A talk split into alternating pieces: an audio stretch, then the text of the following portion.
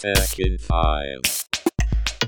Hey, dit is Dim met het technieuws in 5 minuten door Android World van donderdag 18 augustus. We hebben het al van een eind zien aankomen. Na een paar jaar van ongekende groei zit de klad erin bij de streamingdiensten en moet er echt gewerkt worden om geld te verdienen. Vooral Netflix is over zijn top heen en moet aan zijn slag om de teruglopende aantal abonnees een halt toe te roepen en weer te groeien. Een van de maatregelen is dat er een nieuw abonnement komt waarin je getrakteerd zal worden op reclame. Netflix gaat daarvoor samenwerken met Microsoft.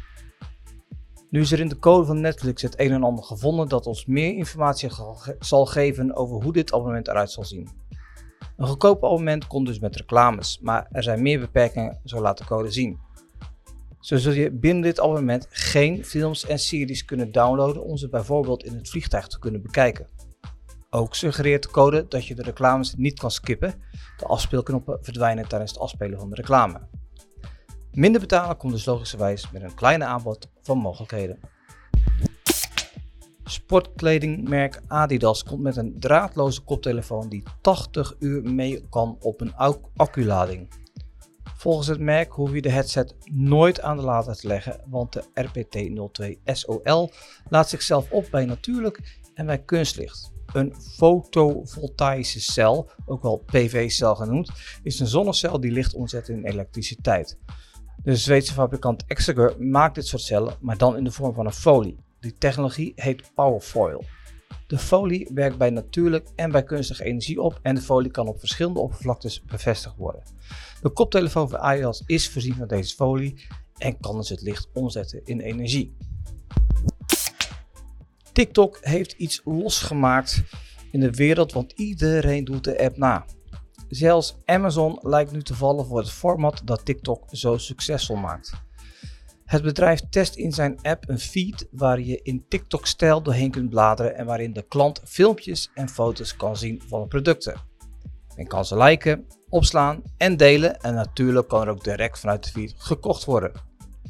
De functie krijgt de naam Inspire.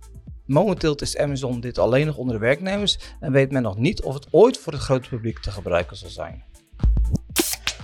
Wij vertelden jullie al dat in de Google Wallet straks ook digitale identiteitsbewijzen kunnen worden opgeslagen. Deze hebben we hier nog niet, maar vanuit de EU wordt daar al lang aan gewerkt. Volgens Bright is Nederland nogal kritisch over deze plannen, maar in de EU is er een grote meerderheid voor het digitale identiteitsbewijs en zullen wij er ook maar mee moeten doen. Volgens staatssecretaris Van Huffelen zal er eerst een open source wallet voor Nederland komen, waarbij de lat hoog ligt voor gegevensbescherming, informatieveiligheid en toegankelijkheid. Momenteel wordt er met verschillende partijen gewerkt aan concepten. Er is voor open source gekozen om 100% transparant te kunnen zijn naar buiten toe. Het uiteindelijke doel is dat de wallet ook gekoppeld zou kunnen worden aan een EU-persoonsnummer. Iets wat we in Nederland niet zo goed idee vinden vanwege het gevaar van lekken. Nog een nieuwtje voor de Apple-fans die netjes geld opzij gezet hebben voor de nieuwe iPhone. Volgens NuTech zal de iPhone 14 op 7 september aangekondigd worden tijdens wederom een online event. Op 16 september verwacht men dat de nieuwe toestellen in de winkel zullen liggen.